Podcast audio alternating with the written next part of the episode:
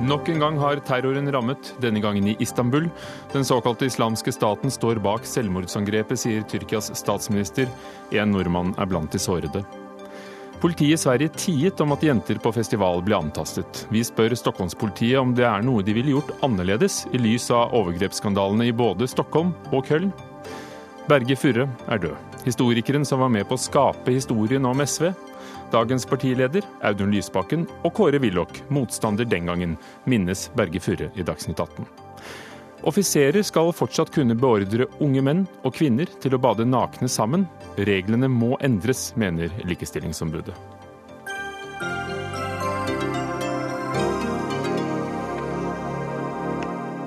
Og vi får besøk av en Munch som har lest pave Frans sin nye bok. Alt dette i Dagsnytt 18 i dag med Ugo Fermariello i studio i NRK2 og NRK P2. Det skal ha vært en 28 år gammel IS-sympatisør som utløste selvmordspumpen som drepte ti og såret minst 15 midt i turistområdet, bare meter fra den historiske Blå moskeen i gamlebyen i Istanbul i morgentimene i dag.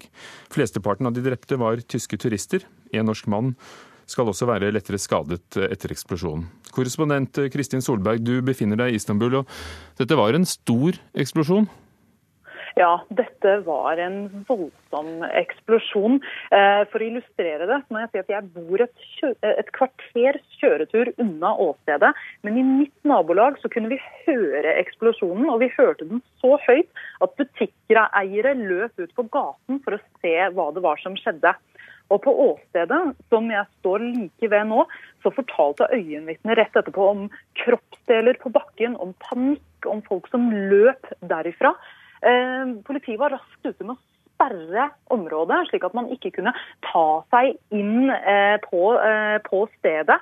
Men bare det at de rammet, at dette rammet i kjernen av gamlebyen, det historiske gamlebyen i Istanbul, rett ved verdenskjente monumenter som det kommer ca. 5 millioner turister til hvert eneste år. Det kan tyde på at de som står bak dette, ønsket da å ramme utlendinger og turister og turistnæringen her i Tyrkia.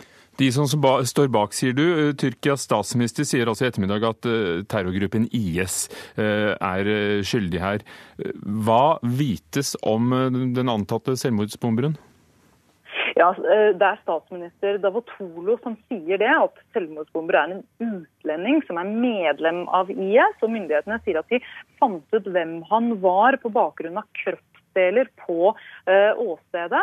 Han skal da være født i 1988. Her sier myndighetene at han skal ha kommet fra Syria, og president Erdogan har sagt, selv sagt at eh, dette angrepet hadde sine røtter i nettopp Syria. Men noen tyrkiske medier rapporterer nå at han skal ha vært født i, eh, i Saudi-Arabia. Men det at myndighetene går ut såpass raskt og slår fast at uh, dette er IS. Det er noe de har gjort også etter de forrige store angrepene her i uh, Tyrkia. Det har vært to store angrep de siste, det siste halve året. Uh, I Ankara i oktober, som tok livet av over 100 mennesker, og i Soruc i sommer, der over 30 unge mennesker ble drept. Da ble det også slått fast at IS sto bak. Og det er klart at Tyrkia er jo en fiende eh, av nettopp IS. Eh, det, Tyrkia er jo inne i en pågående militæroffensiv eh, mot, eh, mot, IS. Og det skal ha ført da, til en økt eh, trussel om angrep her, i, her, på tyrkisk jord. Du har også snakket med, med Jostein Nilsen, eh, nordmannen som ble såret i angrepet. Hvordan står det til med ham? Det står bra til etter forholdene. Han er på sykehus her i eh, Istanbul. Og var da, hadde en, eh, en dag i byen og, eh, sammen med sin kone og dro på en, en tur, en guidet tur rundt i dette området. Som sagt, dette her er virkelig kjernen av turistområdet i Istanbul. De slo til midt mellom både Hagia Sofia og Den blå moské, som er to verdenskjente monumenter. Um, og Der var altså da Jostein Nilsen og var bare 15 meter unna bomben da den, da den smalt. Han fikk en, en, splinter i beinet, i kneet. Um, men, men, kom unna med, da, med livet i behold, heldigvis. I motsetning til da også, til da også ti andre mennesker i dag. Takk skal du ha, korrespondent Kristin Solberg med oss fra Istanbul. Camilla Nereid, dekan ved NTNU, med oss fra studio i Trondheim. Du er forsker på tyrkiske forhold, og, og som vi hørte Kristin Solberg fortelle om, det har vært flere terrorangrep i fjor i regi av den såkalte islamske staten. Hva skiller dette angrepet fra de tidligere? Eh, først og fremst at den rammer eh, i turistområdet og i gamlebyen i Istanbul, som eh, Kristin Solberg sa. Eh, IS gikk ut i august. De la ut en video på sine sosiale medier hvor eh, Erdogan ble kalt for eh, den store Satan, som var en døråpner inn til den muslimske verden for vestlige korsfarere, og oppfordret alle tyrkere til å forene seg i kampen mot Erdogan. Det er ingenting som tyder på at de har lykkes med det oppropet. Den type islamforståelse som IS representerer, er egentlig uten, er ikke noe tradisjon for i Tyrkia, men at IS har celler i Tyrkia, og at det har kommet eh, terrorister over fra Syria i eh, skjult av flyktningstrømmen, det er det jo all grunn til å tro. Og Tyrkia har jo tatt imot eh, millioner, flere millioner syriske flyktninger. Hvilke konsekvenser tror du denne siste hendelsen får for den politiske debatten Eh, i, i, Tyrkia? Eh, nå har Tyrkia nettopp eh, diskutert og blitt enige i parlamentet om at man skal gi flyktningene arbeidstillatelse. Samtidig så har man begrenset hvor mange syriske flyktninger som en arbeidsgiver kan ansette. Det skal ikke være over 10% av arbeidsstokken og sånn. Sånn at jeg verken tror eller håper at det vil få noen negative konsekvenser for flyktningene. Og det er også viktig å huske på at den porøse grensen mot Syria, som gjør at både terrorister terrorister og fremmedkrigere har kunnet passere, har også gjort det mulig for godt over to millioner flyktninger å komme i sikkerhet fra borgerkrigen i Syria inn på tyrkisk territorium. Men betyr dette at Tyrkias politikk overfor eh, for Syria og, og, hvordan grensene voktes, forandrer seg? Tyrkia har jo lenge tatt til orde, helt siden 2013, for å etablere en såkalt sikker sone inne på tyrkisk eh, territorium. Det kan jo hende at det blir større oppslutning om en sånn eh, tanke nå fra det internasjonale samfunnet. Dette skjedde som vi har sagt, 25 meter fra Den blå moskeen, midt i den gamle byen turistene strømmer til. Eh, og turistnæringen er viktig for Tyrkia. Kan det påvirke den? Det er klart at det kan det, og det er jo en stor bekymring. Det er en viktig inntektskilde for uh, Tyrkia. Uh, for å komme inn i Hagia Sofia uh, er det jo sikkerhetskontroll og sånn som på flyplasser, men det er klart at hele, det her er jo snakk om en stor bydel og vanskelig å innføre den type sikkerhetsforanstaltninger der. Så er det jo også det å si, dessverre, at det er ofte Eh, terrorangrep i eh, Istanbul. Det har vært det flere ganger i det siste året, også i den eh, europeiske delen av Istanbul, uten at det har sett ut til å skremme turistene i altfor stor grad. Men det er klart at når det eskalerer og det blir stadig hyppigere terrorangrep, så er det en reell fare for turistnæringen i Tyrkia. Takk skal du ha, Camilla Nereid, dekan med NTNU, om eksplosjonen som altså skjedde i morgentimene i dag i gamlebyen i Istanbul.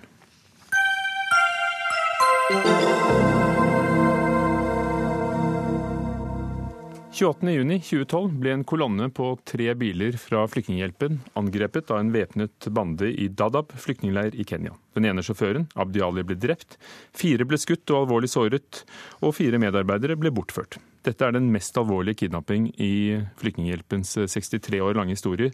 I etterkant har det vist seg at bilene fra Flyktninghjelpen ikke hadde følge av bevæpnet politi, selv om de skulle inn i et område med høy risiko.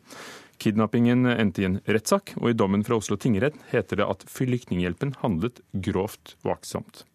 Organisasjonen anker ikke dommen, det blir klart i dag.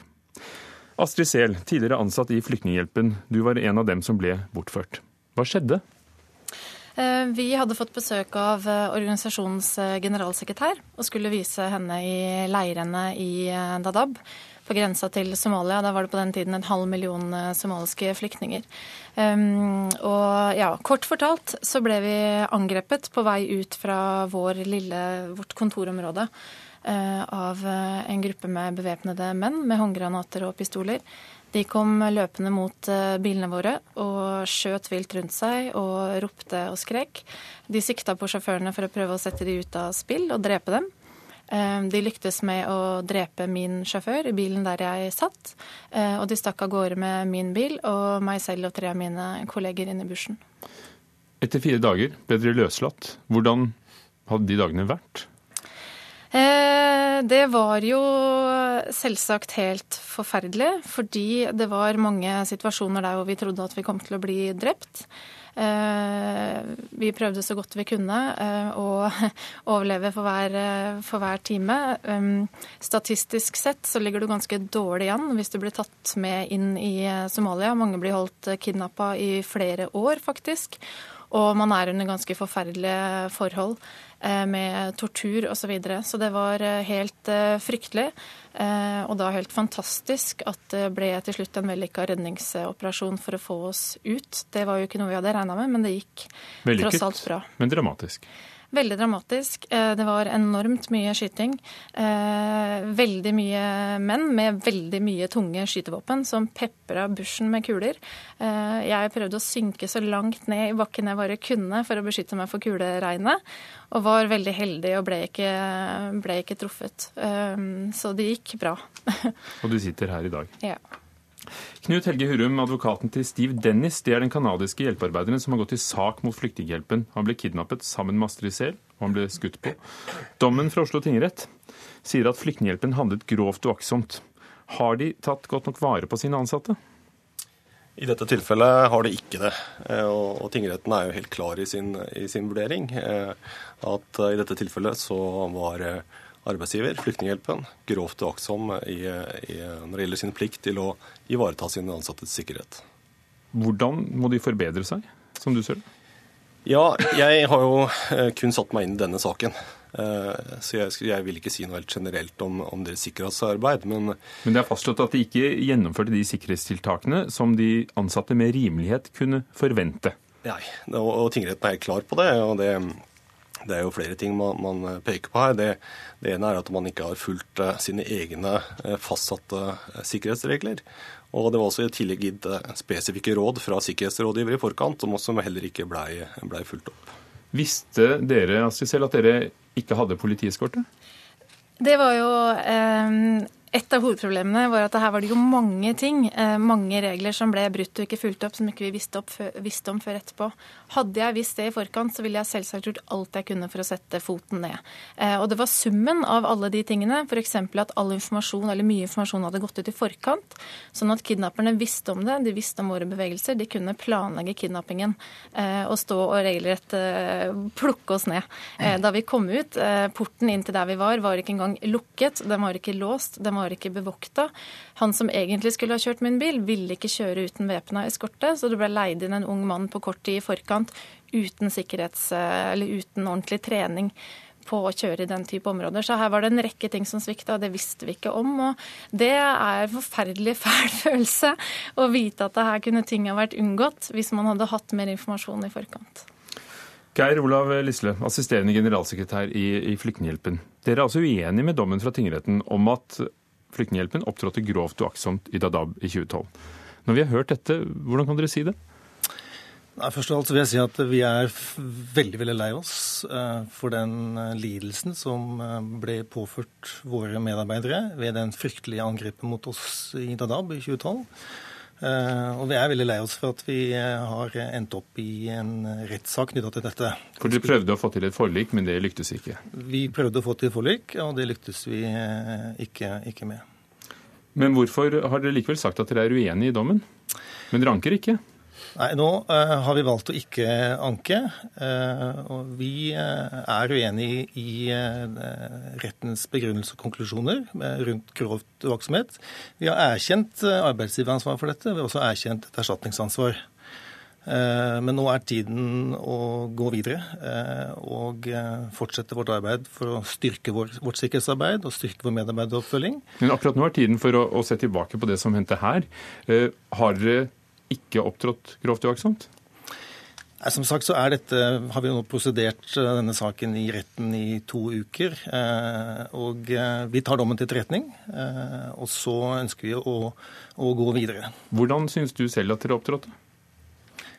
Vi i Flyktninghjelpen knyttet til rettssaken, tenker du på? Nei, Nå tenker jeg på den gangen, og nå skjønner jeg at ikke du nødvendigvis var involvert i saken, men som representant for Flyktninghjelpen. Hvordan Retten sier grovt uaktsomt. Dere tar det til etterretning, men er uenig. Hvordan syns du at dere opptrådte?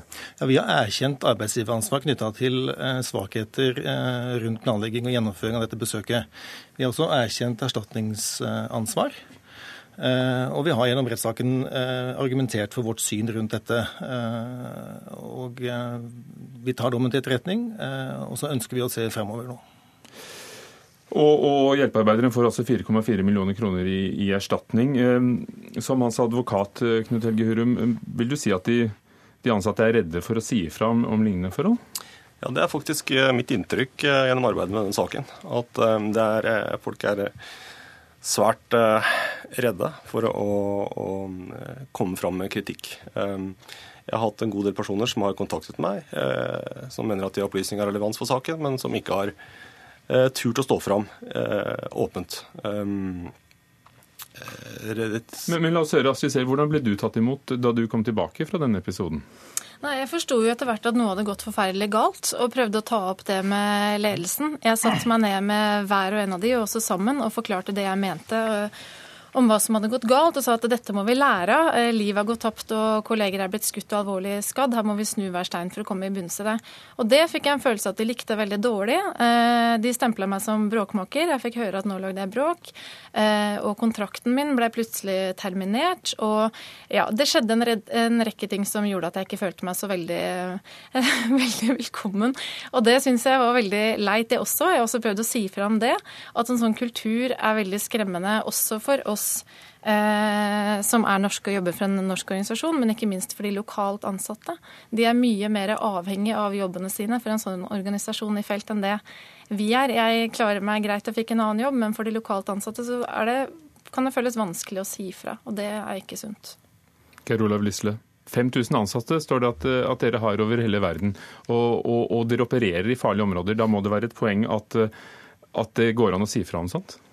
Altså Vi er svært lei oss eh, for den eh, smerten som eh, våre medarbeidere har opplevd at, i oppfølging av dette. det er helt klart at for å kunne drive humanitær virksomhet, så er det helt avgjørende for oss at våre medarbeidere er trygge, føler seg trygge, eh, og eh, er i stand til å føle seg i stand til å, å, å si ifra. Eh, vi kjenner oss ikke igjen i dette generelle bildet som, som tegnes av at ikke det er lov til å, å si ifra, men det er klart at det er en helt suksessfaktor for oss at våre medarbeidere kan si ifra om ting. Men i retten sa dere at en dom vil være negativt fordi det kunne føre til at arbeidsgivere blir for strenge på sikkerhet. Hva legger du i det? Fordi det er jo på en måte det dere driver med også?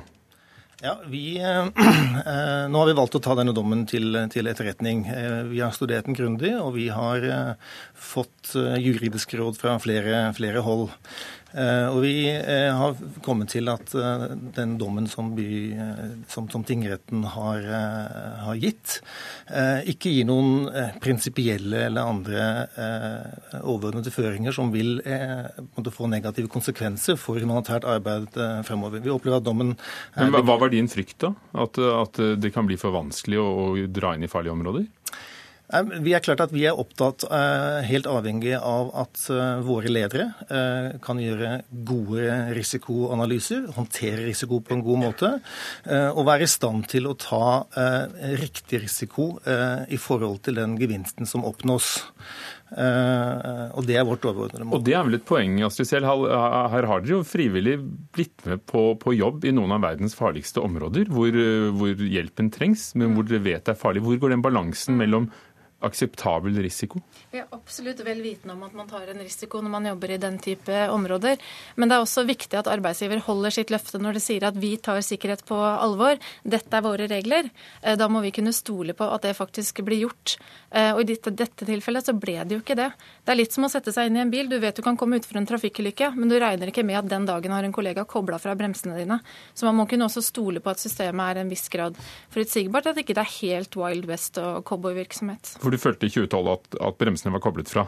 Definitivt. Her var det jo en rekke sikkerhetsting som eh, beslutninger som ble tatt, som da fikk fatale følger.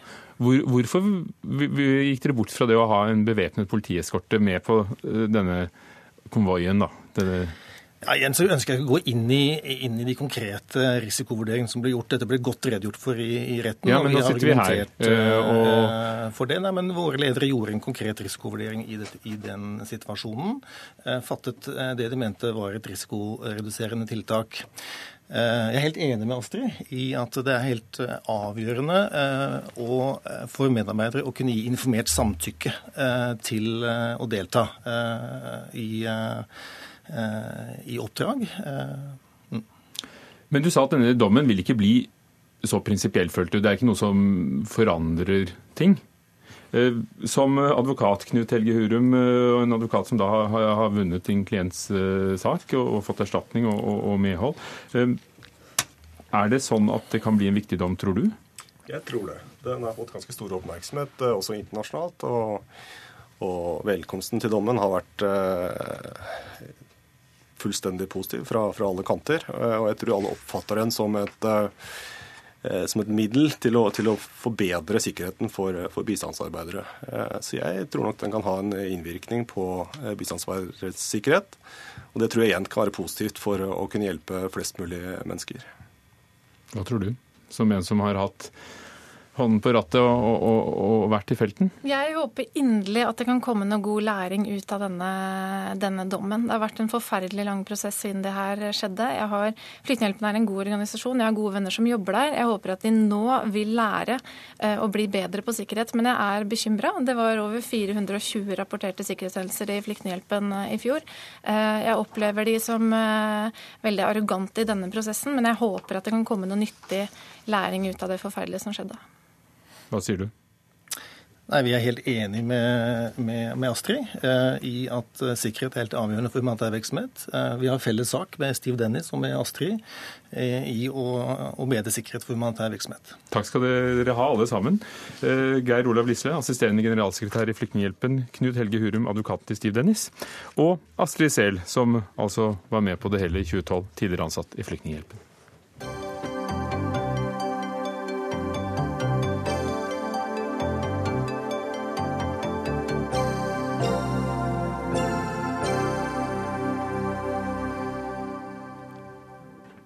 SV-veteranen, historikeren Berge Furre, er altså gått bort. En av grunnleggerne av SF, Sosialistisk Folkeparti, senere leder av det som da ble Sosialistisk Venstreparti, døde i går 78 år gammel. I dag har partifeller og politiske motstandere også bl.a. omtalt ham som en klok høvding, bauta og intellektuell kapasitet. Frank Rossavik, du har skrevet boken 'Fra Kings Bay til kongens bord', som handler om eh, SF og SV, de to partiene som han var med å danne, fra 1961, begynnelsen, til 2012. Hvor viktig var Berge Furre for å bygge opp disse organisasjonene? Ja, altså Han var jo uh, med fra Kings Bay til Kongens bord, nesten bokstavelig. Uh, og han var jo også inne allerede, allerede tidligere.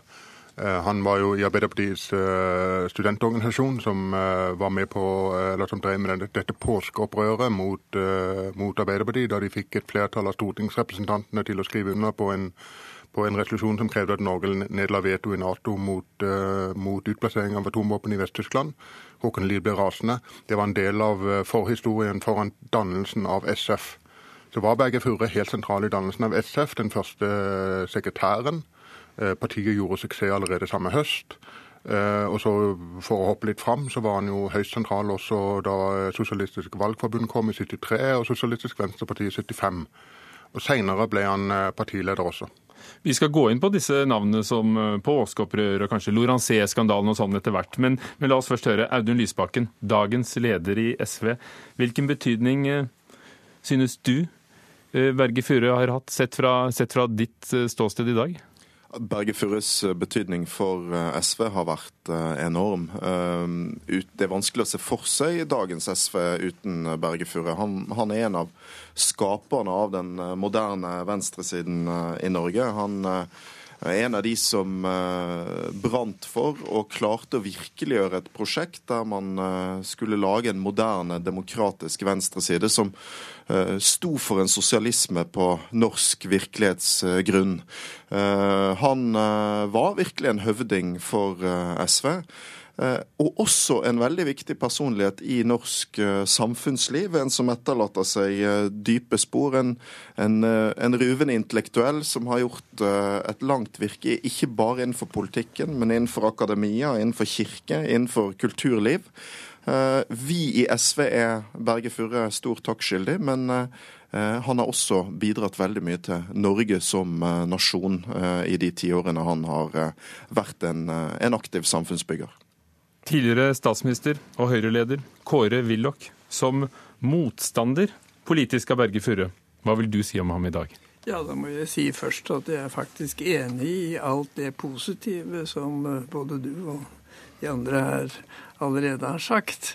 Jeg må jo legge til, da, for sikkerhets skyld, at jeg var jo ofte lysende og kraftig uenig i hans meninger.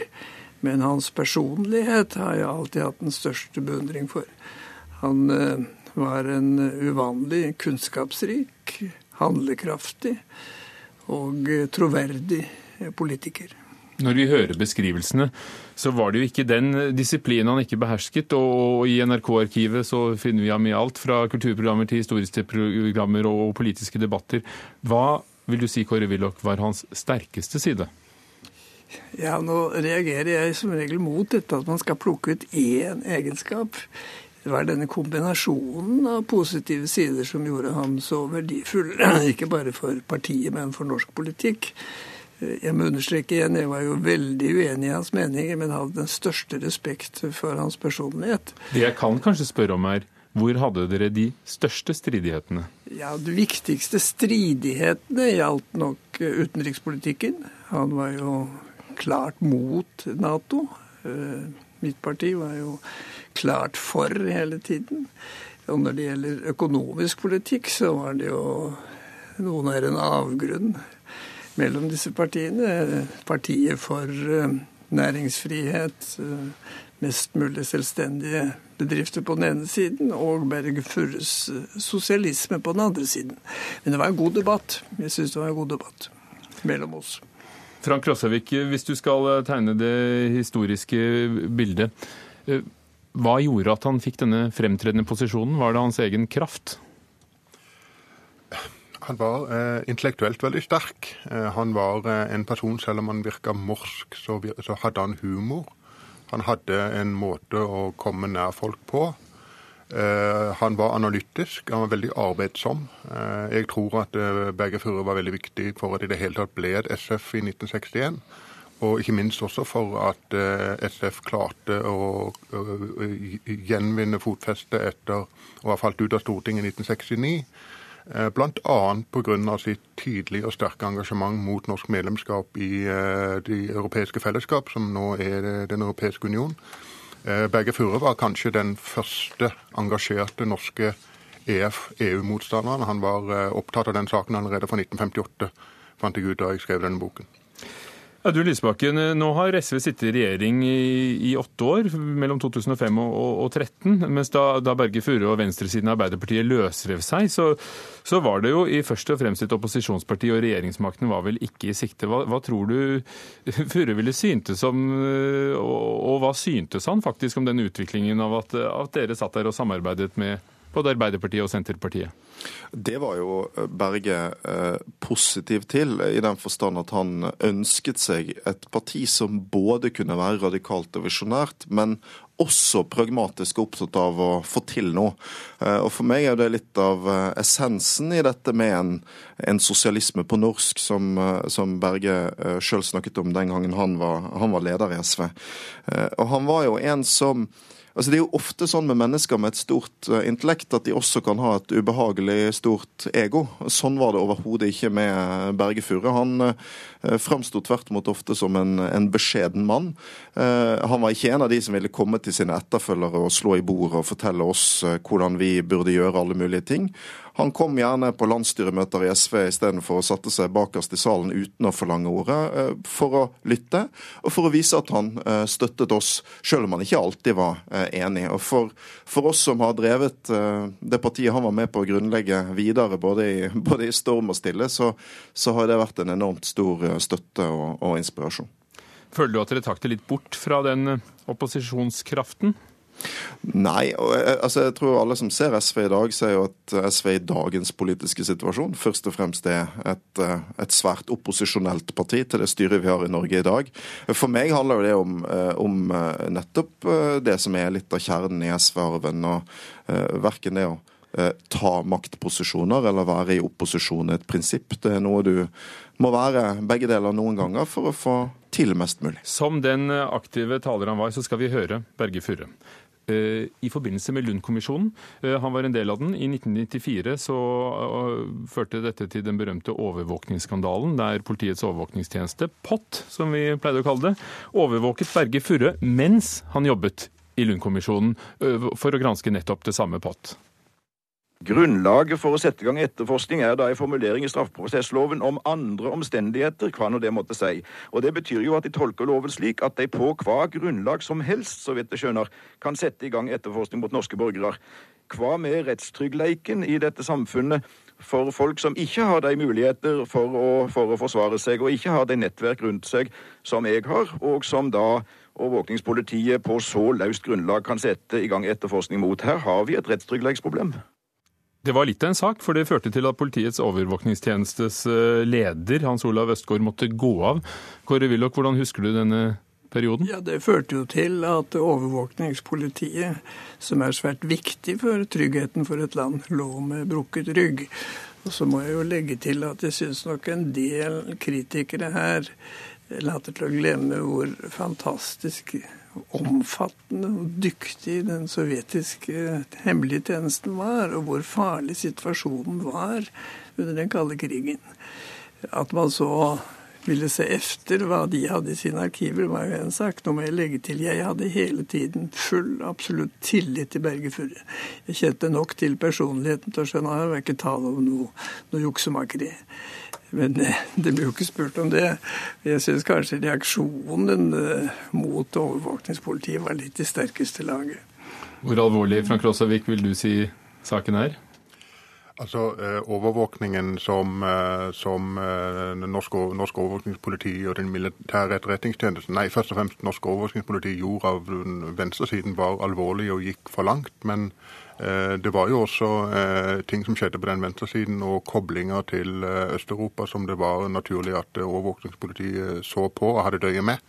Så jeg er jo enig med, med Kåre Willoch i at det kanskje ble, ble gått litt langt i kritikken av overvåkningen. Et annet Legg til. Det var et vilkår som absolutt ble oppfylt. Det måtte jo ikke skje noe som bremset aktiviteten eller vanskeliggjorde arbeidet for de som ble etterforsket. Men, men, det at man i den fantastisk vanskelige situasjonen som den kalde krigen var, hadde et, en kontraovervåkning, det syns jeg ikke var merkelig. Det var vel ikke der uenigheten sto i denne saken heller. Nei, nei. Hvis annet, en annen skandale som skapte furore, og som noen av oss vagt husker fra nyhetene, Lorancé-skandalen. Hva var det, Frank Krossavik? Ja, nå, nå, er det mulig at hukommelsen min ikke står meg helt bi, men det var eh, snakk om overvåkning av et amerikansk, et amerikansk overvåkningssystem ute i Norskehavet som, eh, som eh, Stortinget var kjent med og, og måtte holde hemmelig. Eh, og eh, som Finn Gustavsen og Berge Furre bestemte seg for å offentliggjøre allikevel, etter, etter eh, lange og grundige overveielser og, og sjelekvaler, ikke minst hos Berge Furre, som jo ikke var typen til å drive denne typen aktivisme normalt. Han, han måtte jo overtales, presses av sitt eget sentralstyre til å offentliggjøre den saken der. Og Det ble jo også en, en voldsom belastning eh, for begge Furre og for partiet. Mm. Ja, jeg har ikke noe å legge til eller trekke fra. Eh, Audun Lysbakken?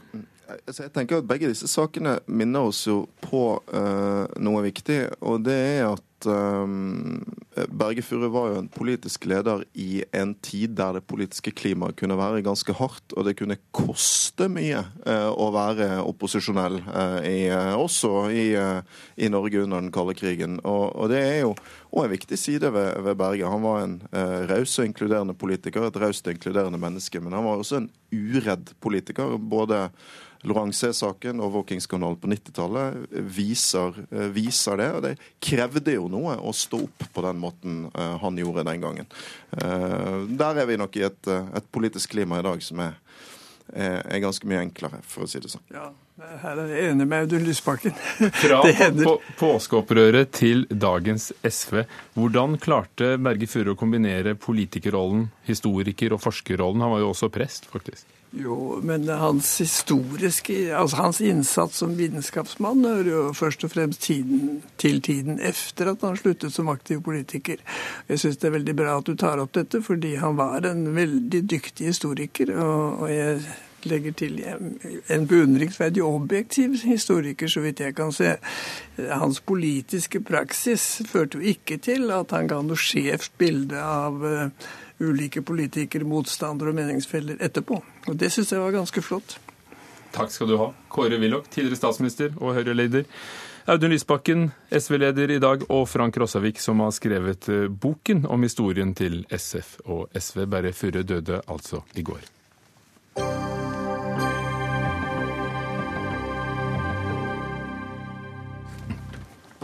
Overgrepsskandalene i Stockholm og Köln fortsetter. Nå er det kommet 100 eh, nye anmeldelser i Köln, og tallet er over 650 eh, anmeldelser fra nyttårsaften i Köln. Men det er Tyskland. Eh, der måtte politisjefen gå av etter håndteringen av flere av disse anmeldelsene. Overgrep, ran, tyverier, seksuell trakassering og to tilfeller av voldtekter. I Sverige blir det granskning etter at politiet tiet om at jenter på en stor ungdomsfestival i Stockholm skal ha blitt utsatt for overgrep. Og Varg Jylander, pressesjef i Stockholmspolitiet, du er med oss eh, på telefon fra Stockholm. Nøyaktig hva visste dere i politiet om overgrepene som eh, skal ha skjedd under We Are Stockholm-festivalen i, i, fjor sommer? Vi, vi kjente jo til omfattningen av dette, og også problemet. Og Derfor hadde vi veldig mye poliser og frivillige der. Eh, vad vi misslyckades med, det var jo faktisk å tale om at vi visste det. Hvem, hva gjorde dere med informasjonen når dere visste om det? Ja, altså, vi, eh, vi hadde informasjonen i vårt mediesenter som jeg ansvarer for. Og de eh, kommunikatører som arbeidet denne helgen, for det er flere dager, de oppfattet at det var en ganske lugn helg. For det var nemlig over nesten 800 000 besøkere, og vi hadde 30 13 anmälningar och eh, 13 polisanmälningar och det uppfattar då en kommunikatör som en lugn helg og derfor så skrevs ingenting om dette. Men hvorfor ble det bare opprettet én sak, så vidt jeg forstår, og, og resten ble henlagt? Ja, eh, 13, det var 13, an, nej, vad säger, 17 anmälningar. Eh, 17 anmälningar och en av dessa gikk videre til åtal. alle alla andra lades ner. Hvorfor? Ja, jag kan inte gå in i detalj på det här för det vet inte jag men det, att, att eh, bevisa eh, ofredande är väldigt, väldigt svårt. Inte minst i folksamlingar med hundratusentals människor och eh, ibland fanns det heller inte någon misstänkt gärningsman utan det var att någon anmält att det hade hänt. Og, og, nå er det snakk om det som Dagens Nyheter i Sverige har, har da avslått, er at det er snakk om afghanske menn. Visste politiet hvem som sto bak? Ja, det där är komplicerat för oss polisanställda i Sverige för vi har ju en hållning att vi eh, kommenterar ju aldrig etnicitet om det inte är relevant. I det här fallet handlar ju kritiken om att vi överhuvudtaget inte talade om det. Eh, och det är ett stort misstag. Men om vi, om vi hade gjort det så hade vi ändå inte eh, angett nationalitet, det er jeg ganske sikker på. Vil dere i fremtiden gjøre det annerledes? No, alltså, ja, i framtiden kommer jag vara mer observant ska jag säga på, på den här typen av frågor och vi kommer kommunicera den bättre. Men vi kommer inte, i alla fall vad jag vet nu, ändra vår ståndpunkt att vi inte eh, berättar eller kommunicerar eh, nationalitet om det inte är relevant. Og enn så lenge står jeg for at jeg ikke tycker at det er relevant i det her sammenhenget. Og, og at det ikke er noe mer enn at folk burde advares, slik at ja, unge jenter har anledning til å ta noen forholdsregler når de skal på festival? Ja, eh, du, du mener om man skulle ha varnet? Jeg forsto ikke riktig. Ja, eller fortalt hva som skjedde. Dere ja. mente det var lite, men, men, i hvert fall fortalt at dette, dette har forekommet. Ja, det der er litt, det er litt efterhandskonstruktion nå at det her ikke var kjent. Derfor at veldig, veldig mange mennesker på denne festivalen arbeidet med å informere just om det her under festivalen. Det var til og med så at artistene hadde fått informasjon for å kunne si det fra scenen. Så at det var okjent, det var det ikke. Det var veldig, veldig kjent under de her festivaldagene. Men polisen hadde ikke informert om det. Hva syns du om at dette er blitt en, en verdensnyhet plutselig? Ja, det, det, jeg kan jo si jeg er hyfsat chockad her. Jeg, eh, jobbet när det så helikopterrånet var for noen år siden i Stockholm og da jobbet jeg rett intensivt. Det her er enda mer eh, eh. Jeg har gjort intervjuer fra hele verden, kjennes det som, eh, og i dag. Men det har naturligvis koppling til Köln-händelsen og den, det som hender rundt om i verden. Så jeg forstår naturligvis det også. Takk skal du ha, Varg Ylander, pressesjef i Stockholmspolitiet. Men hvorfor skjer det at flere menn, tilsynelatende organisert og fra muslimske land, antaster kvinner? Journalist og forfatter Åshild Eidem, du har intervjuet den italienske krigsreporteren Francesca Borri, som eh, var i Norge for en stund siden. Og hun sier at under alt bråk i Midtøsten er det en underliggende kraft. Hva da? Det hun snakker om, eh, som kanskje er et tabutema, det er eh, den seksuelle undertrykkelsen av både menn og kvinner. Som handler om at eh, menn og kvinner er, lever i konservative deler av den muslimske verden.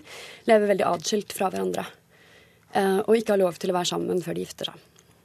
Du har selv eh, som journalist og forfatter bodd i, i, i Midtøsten flere steder. Er det noe du kan si deg enig med, med Francesca Borri i? Ja, det ga veldig mye gjenklang i de opplevelsene jeg selv har. Um, på flere plan. Det handler både om det at uh, det er veldig vanskelig å vite hvordan man um, skal forholde seg til uh, ulike, altså mennesker i ulike typer miljøer. Uh, det handler om trakassering. Det har blitt veldig mye trakassert. Men Det handler også om at menn er nysgjerrige på å vite hvordan de skal forholde seg til kvinner. Fordi det vet de ikke så veldig mye om. Elisabeth Eide, medieforsker og forfatter som bl.a. har studert kvinners situasjon i Pakistan og Afghanistan. Hvordan vil du beskrive det kvinnesønnet du har møtt når du har vært i Midtøsten? Jeg tror ikke det går an å snakke om ett kvinnesyn, for det første. Det er alltid en eh, masse forskjellige syn. Jeg har møtt veldig eh, progressive menn og radikale menn. Men jeg har også møtt dypt konservative og aggressive menn. Det er det første jeg har lyst til å si. For det andre så er det klart at segregasjonen og et eh, innbitt patriarkat og samtidig statsdannelser som ikke gjør noe særlig for å forsvare kvinner, er en del av dette. I Afghanistan f.eks. så har det afghanske parlamentet avvist et lovforslag mot vold mot kvinner, f.eks., med flertall. Og det er jo de gamle krigsherrene og deres allierte som sitter og gir den typen signaler. Og når du får den typen signaler samtidig som du i vår, i fjor vår hadde en åpen lynsjing av en ung kvinne, Farkonda, den 19. mars eh, utenfor en moské fordi hun hadde kritisert noen muller. Og menn står og ser på, det finnes videoklipp som viser at menn står og filmer dette med mobiltelefon. Hun ble drept, hun ble til slutt brent. Så er det klart at dette er jo en ukultur av dimensjoner. Samtidig så da protestene kom opp mot det, så var det jo veldig mange menn som var med og protesterte da kvinnene for første gang i Kabul bar kisten sjøl. Så det, I Pakistan også så er det feminister ikke sant, som har støtte av mange menn, og så er det en stor ukultur som bunner i patriarkat og segregasjon. Men kan det virkelig være sånn at, at mange menn finner seg i det? Ja, det, for det er klart at det å være på den siden som nyter privilegier, kan jo være en vesentlig del av forklaringen til det. Altså Det er jo et privilegium å slippe å gjøre husarbeid og slippe å ta seg av barn, samtidig som det er tap i den forstand at man kommer langt fra ungene. Men, men det er klart mennene nyter jo privilegiet også, da. Og også, det er en del av forklaringen. Åshild Eidem, kvinner lever jo i, i, denne samme kulturen. Vil ikke de da føle den samme frustrasjonen, om enn annerledes? Jo, det vil jeg jo tro, da. Men det her er jo snakk om hva slags utløp gir det seg.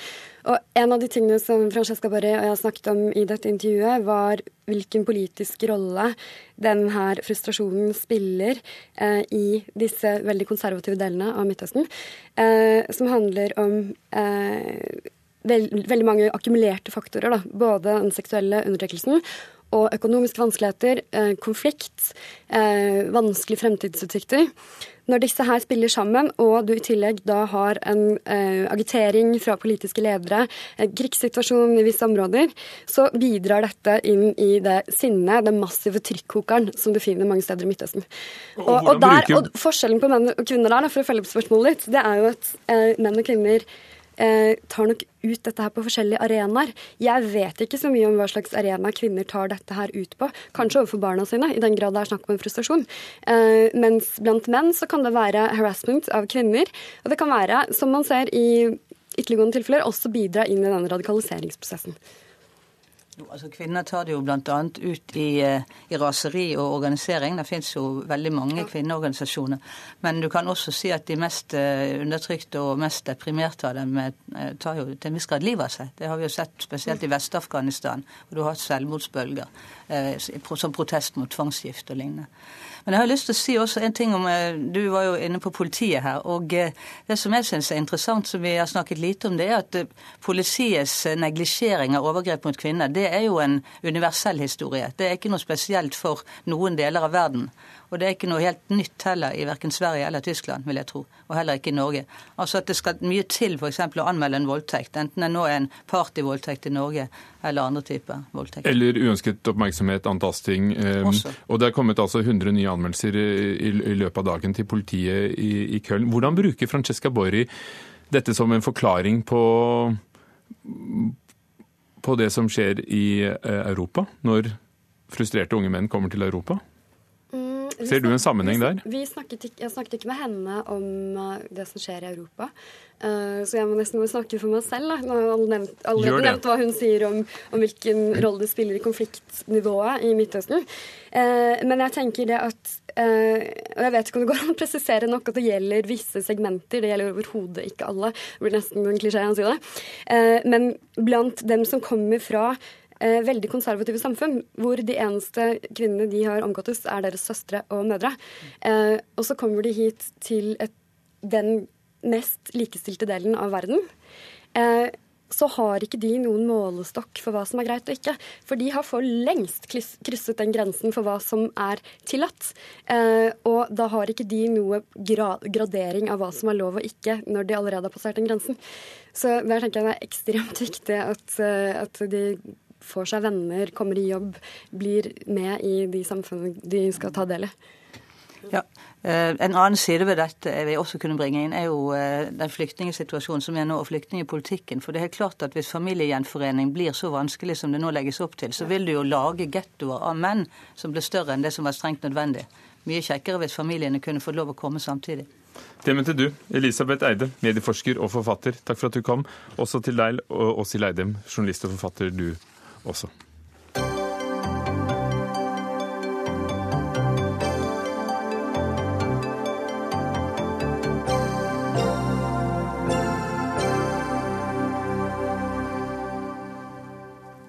Fra seksuell frustrasjon til den såkalte nakenbadingssaken i Forsvaret. I Dagsnytt i morges hørte vi at det nå er klart at Forsvaret ikke vil endre reglene, selv etter at en offiser som beordret en kvinnelig soldat til å bade naken foran 30 menn, slapp refs.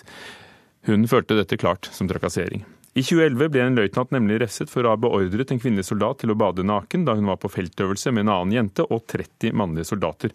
Hun ga klart uttrykk for at det gikk langt utenfor hennes grenser, men offiseren sto på sitt. Løytnanten fikk senere refs, en bot på 2500 kroner. Han anket det, og høsten 2014 ble refsen opphevet. Mange var overrasket, ikke minst soldaten det gjaldt. Trond Kotte, brigader, nestkommanderende ved Forsvarsstabens personellavdeling. Hvorfor vil dere ikke endre reglene? En diskusjon i Forsvaret om vi har behov for å utvide regelverket. Eh, det har vært en brei diskusjon, eh, og vi har inkludert avdelinger som har mange vernepliktige. Vi har konkludert med at regelverket vårt er tilstrekkelig. Det viktige er å praktisere regelverket vi har, i tråd med intensjonen og i samsvar med vårt verdigrunnlag. Det mener vi vi gjør best ved å jobbe med holdninger, med gode holdninger, utvikle ledere som har, fremstår som gode rollemodeller, og videreutvikle en organisasjonskultur som er tufta på verdigrunnlaget vårt, hvor respekt for enkeltbildet står veldig sentralt. Og siden denne offiseren den gangen ikke fikk ref, så betyr det at, at dere mente at han handlet da i tråd med deres holdninger og regler og verdier? Forsvaret har eh, nulltoleranse for, eh, for, diskriminering og for kjønnsdiskriminering. Um, og Det som er viktig for oss, er jo å ha ansatte, ha offiserer som praktiserer regelverket vårt, som forstår hvilke holdninger som gjelder for Forsvaret, forstår hva som er riktig og hva som er galt. Og Han, han forsto jo tydeligvis regelverket, fordi, for det er jo likestilling, alle måtte bade nakne. Men forsto han på en måte verdiene at, at kanskje ikke det var nødvendig der og da? Eh, for meg så er det viktig å få fram at Forsvaret tar det her på, det, på, på ytterste alvor. Og Hvis vi hadde trodd at uh, det beste for Forsvaret har vært å innføre flere regler, så ville vi gjort det. Vi tror ikke at vi uh, kan regulere oss bort fra alle mulige uønska eller uakseptable hendelser.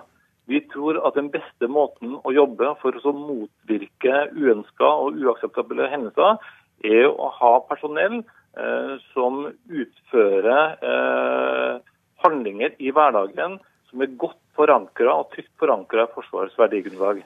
Elisabeth, men, men, kan jeg bringe inn, Vi har en gjest til. Kan jeg bringe inn Elisabeth Lier Haugseth, så, så, får du ordet igjen. Fungerende likestillingsombud. Vi hørte deg også i Nyhetsmorgen i dag tidlig. og, og, og Når du hører Forsvaret nå, hva, hva syns du? Holdninger det er eh, bra, og det er et godt utgangspunkt for å kunne jobbe aktivt eh, for å forhindre seksuell trakassering, som vi snakker om her. Men jeg tror ikke det er nok. Eh, og det er jo slik at dersom Forsvaret har retningslinjer og rutiner, så er det jo ekstremt viktig at Forsvaret jobber med at at man setter de ut i livet, som, som, det blir sagt, men også at det gjøres kjent i alle ledd. Vi vet at Forsvaret og syns det er bra når Kotte sier at dette tar de på ramme alvor, at de har nulltoleranse eh, mot seksuell trakassering. Men det er en svær organisasjon vi snakker om her. Det er 17 000 mennesker og flere enn det. Og de må kjenne til dette. Og det er jo unge mennesker som kommer inn, de er ikke kjent med det. De må gjøre kjent med det, og de må drilles i det. Men du representerer jo Likestillingsombudet. Her var det jo likestilling. I felten er det én for alle, alle for én. Alle måtte bade nakne. Er det ikke noe med å lære seg at i, i Forsvaret så, så, er det andre regler som gjelder? Og, og hvor farlig er det? Ja, Det skal ikke jeg begi meg ut på å si hvor farlig er det. Dette ble opplevd svært alvorlig og svært problematisk for den som ble utsatt for det. Eh, seksuell trakassering er ikke tillatt i likestillingsloven. Trakassering er ikke tillatt i diskrimineringslovverket. Det tror jeg vi skal ha helt på det rene, og det vet jo Forsvaret også. Her tror jeg det er mer snakk om at Forsvaret må jobbe kontinuerlig hele tiden og være tydelig overfor vernepliktige overfor sine befal, eh, slik at det ikke er opp til det enkelte befal å vurdere om man nå tråkker over grensen eller ikke for seksuell trakassering. Katte, i senere år så kommer det første kullet med kvinnelige vernepliktige. Hvilket signal sender dere med å ikke um, gjøre noe med reglene? Eh, vi ønsker å ta imot alle gutter og alle jenter eh, som skal tjenestegjøre i Forsvaret med en forvissning om at de skal være trygge på at vi respekterer dem som, som enkeltindivider. At vi ivaretar eh, dem på en best mulig måte. Dette er et ansvar eh, som vi er oss svært bevisst. Og vi jobber hver dag med å tydeliggjøre hvilke regler og normer som gjelder for oss å skape altså en tydelighet hos uh, de offiserene og det befalet som møter disse guttene og jentene uh, med en trygg forståelse på hvilke regler som gjelder. For i krigen så hadde de vel neppe behøvd å ta av seg alt, hvis det kom til, kom til kamp? Eh, det er ikke greit å bli tvunget til å bade naken i Forsvaret. Det har det ikke vært tidligere, og det er det heller ikke fremover. Og Det viktige for oss er da å jobbe eh, med de riktige holdningene med, med offiserene som de gode rollemodellene, eh, som gjør at de gjør valg i hverdagen som hindrer at dette skjer i fremtiden. Ja, og Det er jo prisverdig at Forsvaret har, eh, har de holdningene, og at de uttaler at, at, det er slik det skal være. Og jeg vil jo oppfordre og utfordre Forsvaret, som må være en av de beste virksomhetene i landet til å drille regler, til også å ta inn og sørge for at rutiner, grenser, retningslinjer gjennomføres på alle nivåer, også for de vernepliktige som kommer inn. Sånn at det sier han jo at de vil, men de bør ikke ha det på papiret. For de, de, de har disse holdningene egentlig. Ja, Vi er jo litt overrasket over at de mener at de ikke trenger det på papiret. Jeg håper at det de eh, mener er eh, rett retningslinjer og eh, grenser står på papiret, og at det papiret brukes i treningen overfor rekrutter og befal. Takk skal dere ha, begge to. Det var så langt vi, vi, vi, vi rakk om denne saken eh, nå. Eh, Elisabeth Lier Haugseth, fungerende likestillingsombud, og Trond Kotte, nestkommanderende ved Forsvarsstabens personellavdeling.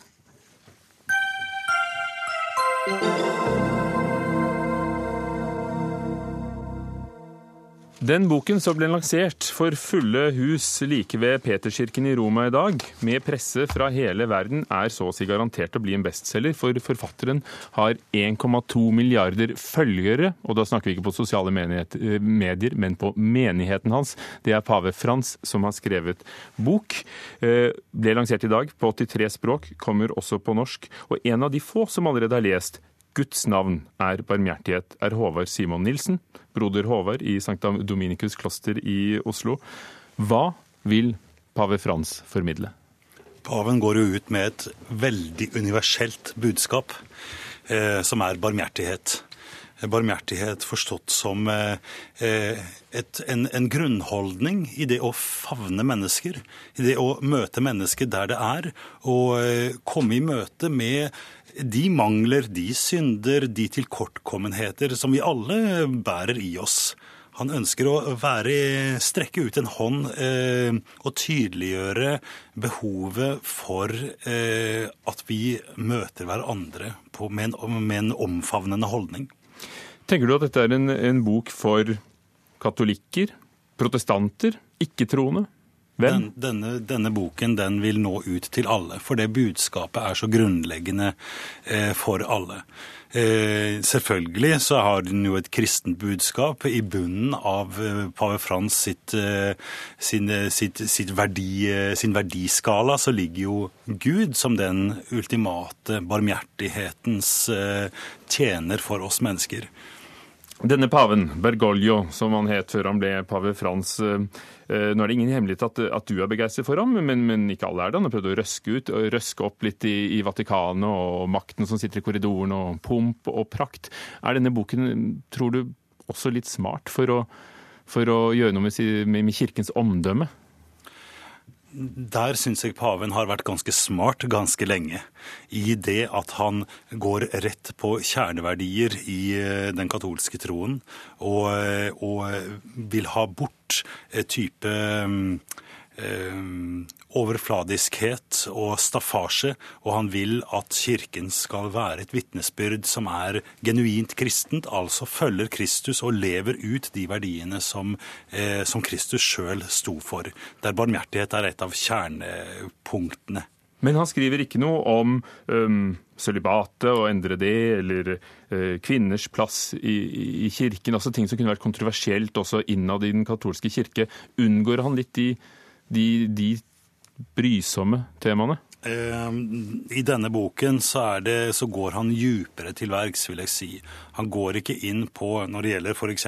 kvinnens plass i kirken, så har kirken en vei å gå på det området. Men når det gjelder eh, kvinner som kvinnelige prester f.eks., så er jo det en kirkelig ordning som strengt tatt ikke rokker ved eh, menneskesynet, verdien av kvinner. Det, er mer enn eh, et, det ligger innenfor et annet domene. Er det noe som har overrasket deg boken? Eh, hans eh, tydelige tale eh, om menneskets synd og behov for forsoning med seg sjøl, med hverandre og med Gud, eh, det er rørende, og det, det, griper inn i mitt eget liv. Det har vært en, eh, virkelig en inspirasjon og, en, eh, og kraftfullt å lese, og det syns jeg er verdt å løfte fram. Og så kommer den jo som bestilt til dette barmhjertighetens år, som han annonserte litt plutselig uh, for noen. Han gjorde det. Jeg, uh, men for pave Frans så jo dette, er jo dette et uh, kjent tema.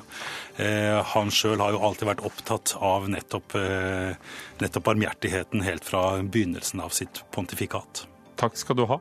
broder eh, Håvard fra St. Dominikus kloster. Dag Dørum var produsent. Finn Lie, teknisk ansvarlig Ugo Fermarello, programleder for Dagsnytt 18 i dag.